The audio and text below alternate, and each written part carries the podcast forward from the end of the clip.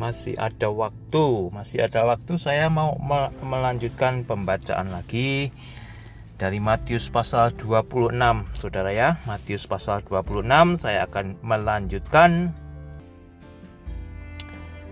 ayat 57. Demikian bunyinya. Sesudah mereka menangkap Yesus, mereka membawa Yesus menghadap Kayafas, imam besar di situ telah berkumpul ahli ahli Taurat dan tua-tua.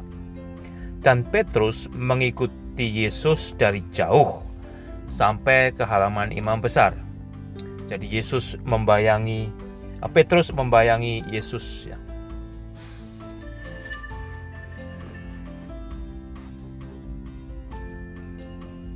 Dan setelah masuk ke dalam, Petrus duduk di antara pengawal-pengawal untuk melihat kesudahan perkara itu.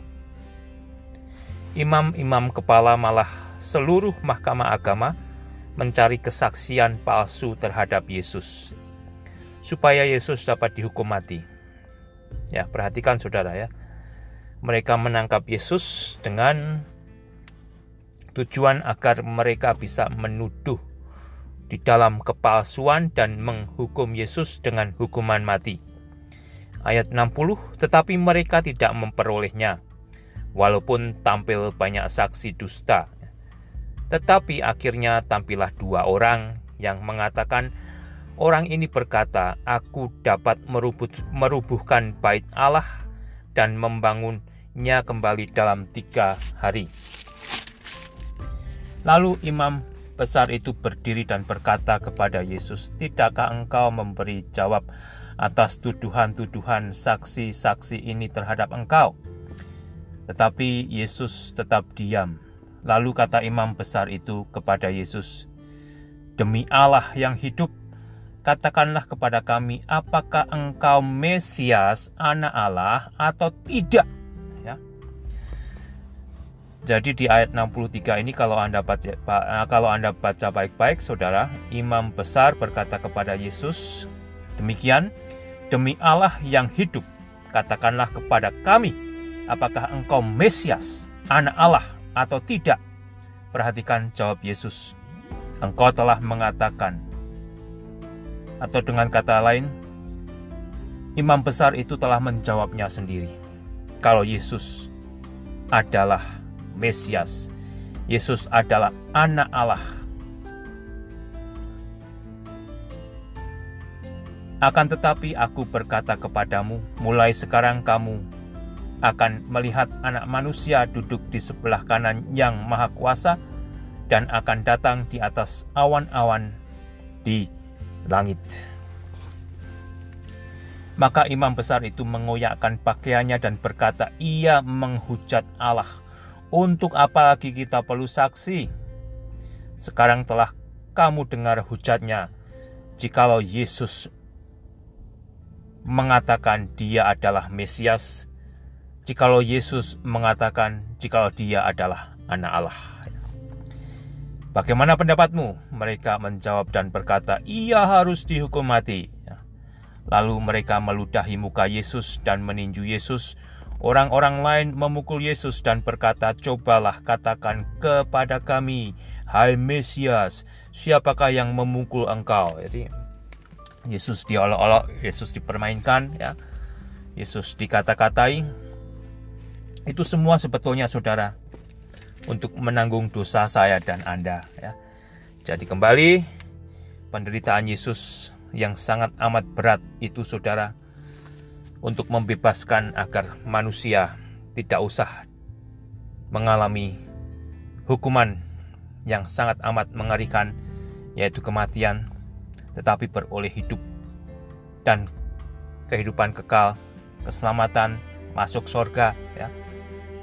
Dan terutama bagi saya dan Anda kembali yang sudah berada di dalam pengampunan Yesus saudara ya.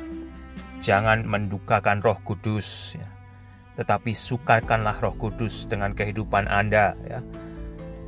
Jangan hanya berkedok sebagai orang Kristen, jangan hanya berkedok sebagai hamba Tuhan, jangan hanya berkedok sebagai guru sekolah minggu, pintar nyanyi ya, jadi penyanyi Kristen, memiliki band Kristen, dan sebagainya. Tetapi hidup Anda jauh daripada Kristus, jangan. Jangan, jangan Anda terjebak di dalam kesombongan rohani.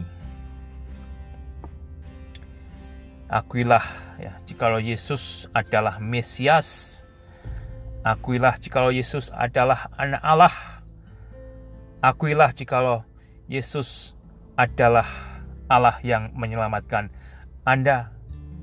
Terimalah dan jadikanlah Yesus sebagai Tuhan dan Juru Selamat Anda, saudara. Ayat 69 Sementara itu Petrus duduk di luar di halaman, maka datanglah seorang hamba perempuan kepadanya katanya, Engkau juga selalu bersama-sama dengan Yesus orang Galilea itu? Tetapi Petrus menyangkalnya di depan semua orang, katanya, "Aku tidak tahu apa yang engkau maksud." Jadi Petrus pura-pura tidak mengerti perkataan hamba perempuan itu. Ayat 70 tetapi Ayat 71 ketika Petrus pergi ke pintu gerbang, seorang hamba lain melihat Petrus dan berkata kepada orang-orang yang ada di situ, "Hei, orang ini bersama-sama dengan Yesus, orang Nazaret itu." Ayat 72 dan Petrus menyangkalnya pula dengan bersumpah, "Aku tidak kenal orang itu." Kedua kalinya. Ayat 73 tidak lama kemudian orang-orang berada di situ datang kepada Petrus dan berkata, "Pasti engkau juga salah seorang dari mereka, itu nyata dari bahasamu." Maka mulailah Petrus mengutuk dan bersumpah. Wah, luar biasa Saudara ya. Kalau Anda perhatikan pernyataan pernyataan Petrus di ayat di pasal 26 ya. Ayat 33, ayat 31 Yesus berkata, maka berkatalah Yesus kepada mereka, malam ini kamu semua akan tergoncang imanmu karena aku sebab ada tertulis, aku akan membunuh gembala dan kawanan domba-domba itu akan tercerai berai, akan tetapi sesudah aku bangkit, aku akan mendahului kamu ke Galilea, ke Galilea. Dan jawab Petrus kepada kepada Yesus, biarpun mereka semua tergoncang imannya karena engkau, aku sekali-kali tidak. Ya, luar biasa saudara. Itulah salah satu contoh keangkuhan rohani, kesombongan rohani. Ya, itu juga banyak dialami oleh orang Kristen. Saya pun mungkin bukan hanya sekali, dua kali, tiga kali memiliki kesombongan rohani. Bagaimana dengan Anda? Ya, itu menjadi trap, itu menjadi sandungan kita terjatuh. Ya. Kita pernah mengingkarkan janji kita sehidup semati ya, untuk melayani Yesus ya. Tapi baru ada masalah sedikit aja sudah kepek-kepek gitu Saudara ya. Ingatlah Saudara, itu adalah menjadi bagian daripada pertumbuhan kita agar kita merendahkan diri dan biarlah itu juga mengingatkan saya dan saudara ya. Kalau ada orang yang memiliki kesombongan rohani kalau dia terjatuh saudara hati-hati ya. Jangan diketawakan karena kita pun telah mengalami itu dan itu dekat dengan kita. Tetapi kalau ada yang demikian, ada yang terjatuh karena kesombongannya, doakan ya. Dorong kembali, ajak dia untuk bangkit ya. Karena orang yang telah menyombongkan diri dan terjatuh karena kesombongannya biasanya malu sekali ya. Dia akan lebih menuruti dagingnya untuk meninggalkan Yesus daripada mau bangkit bagi Yesus. Tapi saudara, Anda yang sadar, Anda yang telah lebih dewasa gunakan itu ya untuk menyadarkan orang itu ya itu akan menjadi satu proses yang baru agar dia yang pernah sombong tetapi pada akhirnya gagal ya untuk menyatakan kesombongannya sebagai pengikut Yesus akhirnya terjatuh. Biarlah kita mendorong dia untuk kembali. Kembali menerima panggilan hidup baru. Kalau Anda perhatikan saudara Petrus pun akhirnya dia bangkit. Dia bangkit dari kegagalannya itu semua karena kebaikan Tuhan sendiri yang terus mengundang Yesus uh, yang terus mengundang Petrus untuk membawa Petrus bangkit saudara ya. Tetapi kalau bully Kristen ya tidak demikian. Bully Kristen kalau ada Kristen yang lain terjatuh ya tidak menjadi saudara tua tetapi jadi pembuli. Itu tidak bagus dan itu berdosa ya. Jangan jadi bully Kristen tapi jadilah saudara Kristen yang lebih dewasa, yang lebih tua terhadap mereka yang terjatuh, terutama yang terjatuh karena kesombongan rohaninya.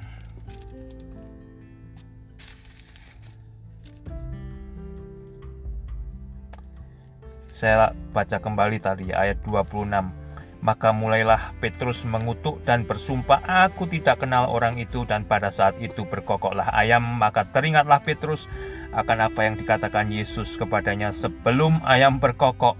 Engkau telah menyangkal aku tiga kali lalu. Petrus pergi keluar dan menangis dengan sedihnya. Luar biasa, saudara. Kembali, Yesus adalah yang Maha Tahu Yesus yang Maha Tahu. Apa yang akan terjadi satu detik, satu menit, satu jam, ya satu hari, satu minggu, satu bulan, satu tahun, sepuluh tahun di depan saya dan Anda kalau kita masih hidup, Yesus Yesus telah mengetahuinya.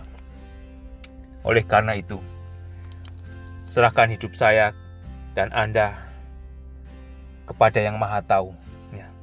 Serahkan kesombongan, serahkan keangkuhan kita agar kita jangan terjerat ya.